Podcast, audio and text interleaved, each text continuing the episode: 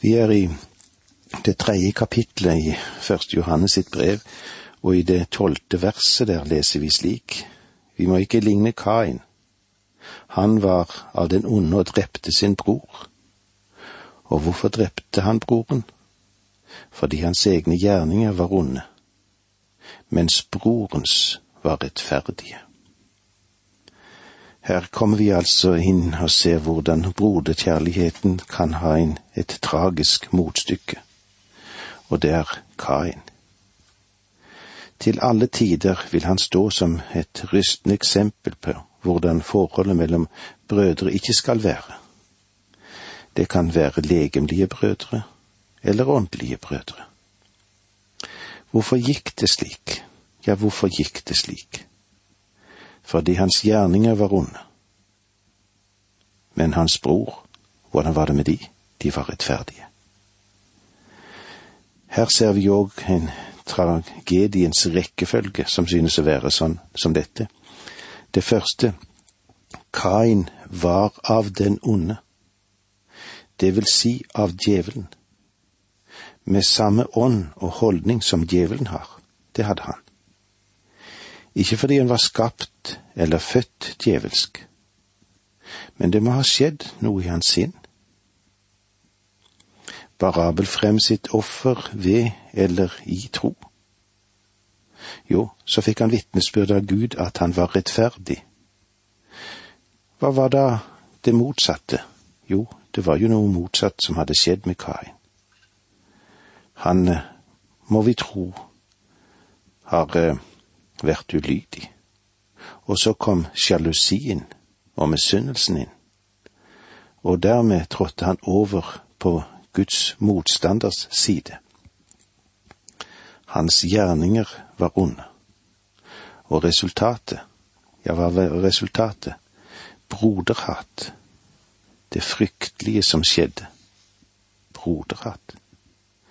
En skulle jo tro at brødre som har stått så nær hverandre som disse, hadde de beste forhold til hverandre. Men selv det beste slektskap kan ødelegges dersom en av partene bevisst velger en livsstil og idealer som går i den ondes retning. I det trettende verset her, i kapittel tre, leser vi slik. Det må ikke undre dere brødre om verden hater dere. Johannes sier altså, dere må ikke reagere som om noe fremmed eller merkelig har hendt dere om verden ikke vil akseptere dere, for det kommer den aldri til å gjøre. Johannes gjør det klart gjennom hele brevet at han bare fører videre den lære som den Herre Jesus Kristus selv ga til de. I Johannes evangelium i det femtende kapittel der i vers 18 og 19 sa Jesus. Hvis verden hater dere, skal dere vite at den har hatet meg først. Hadde dere vært av verden, hadde verden elsket sitt eget. Men dere er ikke av verden, jeg har jo utvalgt dere fra verden. Derfor hater verden dere. Guds barn må være oppmerksom på at verden aldri vil klare helt å tolerere dem. Det er et anstøt i korset, men vi bør heller ikke forstørre det anstøtet ved å gjøre oss selv anstøtelige, eller ved å gjøre oss mer merkverdige. Det er mange kristne som gjør det, og de blir avvist. Ikke fordi de er kristne, men fordi de er ufordragelige. De ville ha vært ufordragelige enten de var kristne eller ikke. La oss være sikre på at avvisningen av Kristus og avvisningen av oss har samme grunn. Vers 14 vi vet jo at vi er gått over fra døden til livet, vi som elsker brødrene. Den som ikke elsker, er fremdeles i døden. Vi vet jo at dere er gått over fra døden til livet. Du kan vite om du er et Guds barn eller ikke. Den populære oppfatningen at vi ikke kan vite, er en stor misforståelse, fordi Guds ord sier at vi kan vite at vi er gått over fra døden til livet. Hvordan kan vi vite det, da? Fordi vi elsker brødrene. Har du en kjærlighet i ditt hjerte til dine trossøsken? Noen av de største opplevelser jeg har hatt i min tjeneste, er å reise rundt i landet. Ja, ikke bare i vårt eget land, men òg i andre land, og der har jeg fått lov til å møte mange vidunderlige kristne. Nå da har jeg vært på stedet for første gang og har trodd at kanskje ingen kjenner meg. Men jeg har kommet inn på kafeer eller andre spisesteder for å ta et måltid mat, og ved flere anledninger har jeg blitt overrasket av troende som har kommet bort og sagt til meg, unnskyld, er ikke det Åge Nevland? Mennesker jeg aldri har møtt, har vist en rørende omsorg og hjulpet meg gjennom mange ensomme stunder. Den som ikke elsker, er fremdeles i døden. Det er de som synes det ikke har noen omsorg for Guds barn. Men du og jeg skal bære omsorgen som et merketegn, vi. Og denne kjærligheten til våre trossøsken, den er bevis på vår frelse. Det er ikke noe større bevis enn det som angår ditt hjertets innstilling. Vers 15 Den som hater sin bror er en morder, og dere vet at ingen morder har evig liv i seg. Den som hater sin bror, er en morder. Det er ikke meg som har sagt dette. Det står i Bibelen. Det er Johannes som sier det. Og Johannes han siterer også den Herre Jesus Kristus. Bare hør hva han sier i Matteus 5, 21 og 22. Dere har hørt der sagt til fedrene, du skal ikke slå i hjel. Den som gjør det skal komme for domstolen. Men jeg sier dere, den som blir sint på en annen skal for domstolen, og den som sier til en annen din dumrian skal stilles for det høye råd, og den som sier din ugudelige narr skal være skyldig til helvetes ild. Det er vel ikke vanskelig å være enig om at dette er sterke ord. Jesus sa at om du har hat i ditt hjerte mot din bror, betyr at du er en morder.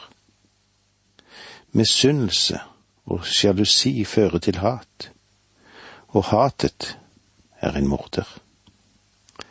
Hvor mange mordere vandrer rundt oss i dag? Om vi legger dette målet på det som Gud gjør, så er det flere mordere utenfor fengselen enn inne i fengslene. Jeg er sikker på at du er klar over at dette avsnitt ikke lærer en egentlig morder at en ikke kan bli frelst. Kristus betalte skylden for alle syndere, selv det å ta livet av en annen. Men når en mann blir frelst, så vil han ikke lenger leve i hatet. Får jeg lov til å minne oss alle sammen om at Johannes understreker her denne delen i de, de to naturene som er i den troende. Når du blir et Guds barn, blir du ikke kvitt den gamle natur. Du har to naturer. Den gamle naturen og den nye naturen. Vi har sett at den nye naturen er den eneste natur som kan behage Gud. Mennesket i sin, i sin naturlige situasjon er ute av stand til å behage Gud. Det kjødelige sinn er fiendskap mot Gud. Derfor som troende er det tider da vi ønsker å be, og det er tider der vi er langt borte fra dette, og det er vanskelig å få det til å be. Du skal ikke synes at det er merkelig at disse to naturene strides med hverandre, eller at de drar i hvert sin retning. Men hvilken av disse naturer vil vi pleie? Skal vår gamle natur være den førende? eller skal den nye natur som Gud har gitt oss ved Guds ånd, få lede våre tanker og våre liv og vår fremferd? Det er noe å ta med oss. I det vi sier takk for nå, må Gud være med deg. Dette undervisningsprogrammet består av to deler. Åge Nevland fortsetter nå med andre del av dagens undervisning. Vi er i Johannes sitt første brev i det tredje kapittelet, og vi vil se hva kjærligheten har å si oss. Det er det vi skal gå innom i dag. Og vi henter det fra 1. Johannes 3, 16. Hva kjærlighet er, har vi lært av at Jesus ga sitt liv for oss. Så skylder også vi å gi vårt liv for brødrene. Hva kjærlighet er, har vi lært av at Jesus ga sitt liv for oss. Dette er den finale test på hva kjærlighet er. Hvordan elske Gud? Jesus ga sitt liv for oss. Dette er den standard som settes foran oss. Så skylder også vi å gi vårt liv for brødrene. Jeg vet ikke hvordan det er med deg, men jeg må si at til dette nivået er jeg ikke kommet så veldig langt i mitt liv. Kjenner du mange mennesker som ville våge livet sitt for din skyld og for deg? Og hvor mange av oss ville være villige til å sette livet inn for noen annen? I dag trenger vi sannelig å se denne ånd utkrystallisert slik som det burde være. Dette er det virkelig bevis på at Gud elsker oss. Han ga sin sønn i døden for oss det er den standarden vi har foran oss. Han er vårt eksempel. Og Johannes sier derfor at vi skulle være villige til å gi vårt liv for brødrenes skyld. Før du og jeg kommer til dette høye nivå, er vi ikke eksponert for den kjærligheten fra Gud som vi skulle forholde oss til i det som har med våre trossøsken å gjøre. Hvordan viser denne kjærligheten seg i handling. Vi leser i vers 17. Men den som ser en bror lide nød og lukker hjertet til for ham når han selv har mer enn nok å leve av, hvorledes kan han ha Guds kjærlighet i seg? Johannes sier at kjærlighet ikke er en følelse. Den er det som uttrykker seg selv i handling. Jakob hadde også en hel del å si om dette i sitt brev.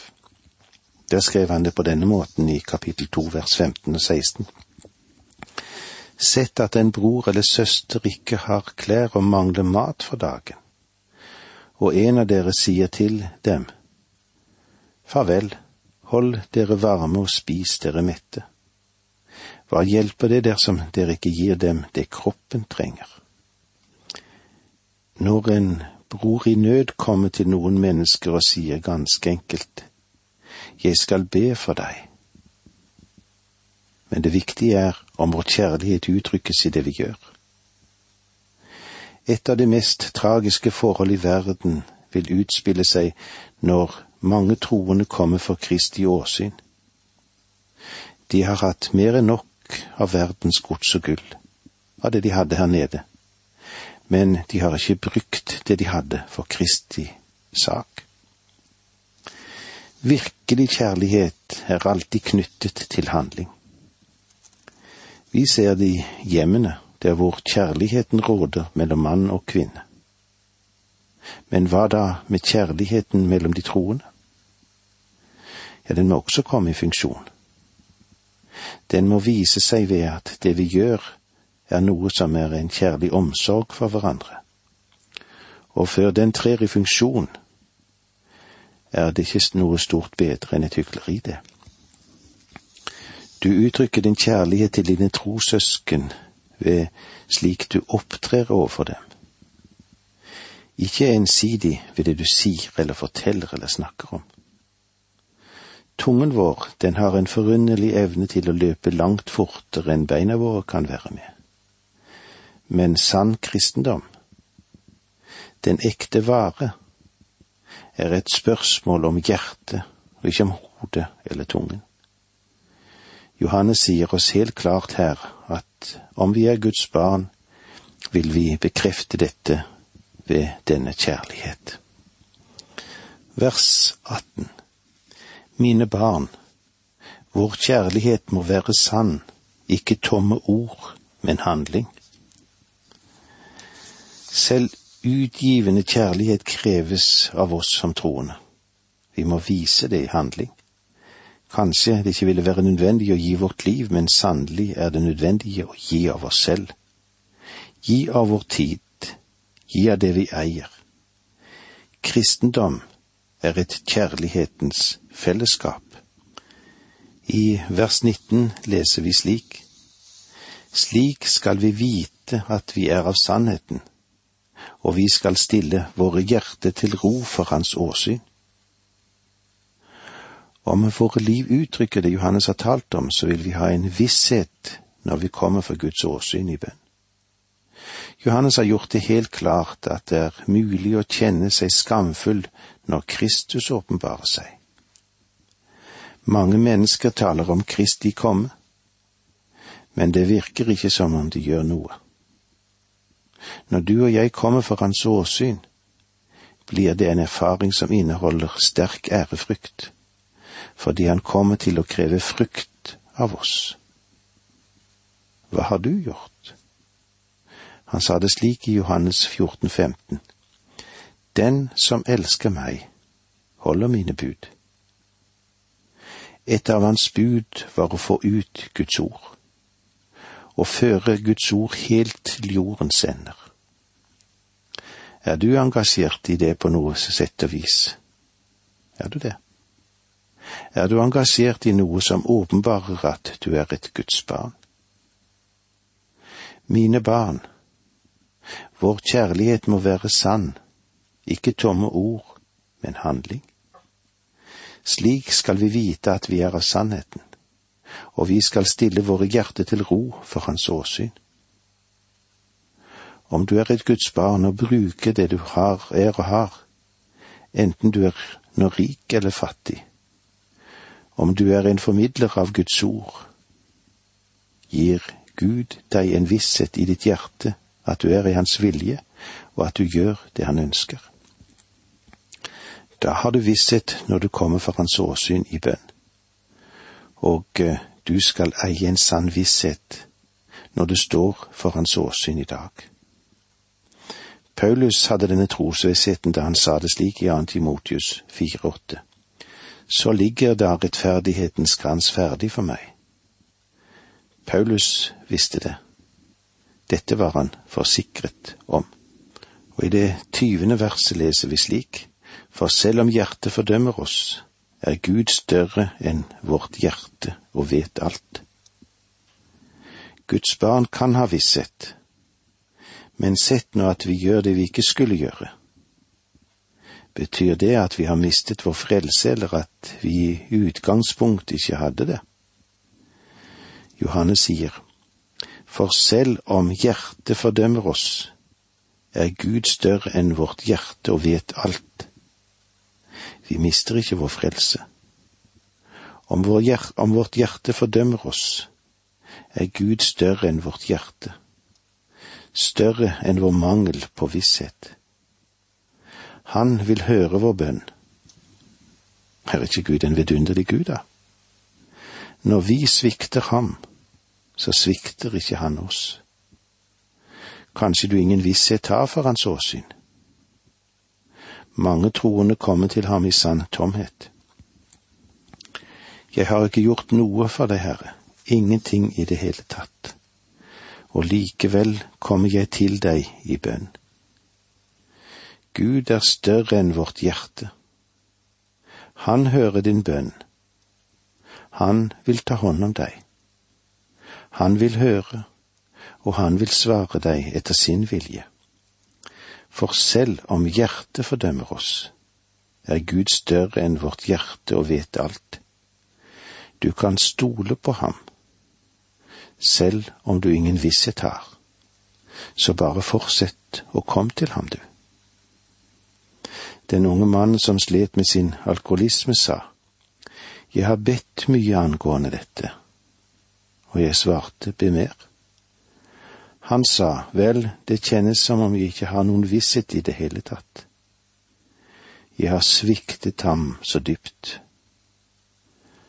Og jeg kunne si til ham, Gud kjenner ditt hjerte. Slik du nå legger saken frem for meg, tror jeg at du er redelig. Jeg tror at du tar dette alvorlig. Jeg vet at Gud skal løse dine lenker. Selv om du ikke har noen visshet, fordi om du har sviktet ham. Men han er større enn ditt hjerte, og han kjenner deg, og han vet at du er redelig. Han kommer til å ta hånd om denne saken. Det kan du stole på. For selv om hjertet fordømmer oss, er Gud større enn vårt hjerte og vet alt. At Gud er større i sin allvitenhet enn det vi er i vår samvittighet, er ikke noe å grunne på. Men det vil jo ikke dempe noe av hjertets uro, det. Snarere det motsatte. At Gud er større, det vil si enda strengere i sin dom enn samvittigheten, nettopp fordi han kjenner alle ting bedre enn noen annen. Det er også sikkert. Da er det godt at vi kan avslutte med dette, hvor synden ble stor, ble nåden enda større. Og det, det, det er dette nådens fellesskap vi har med Gud. Og eh, med disse ordene sier vi takk for nå, må Gud være med deg.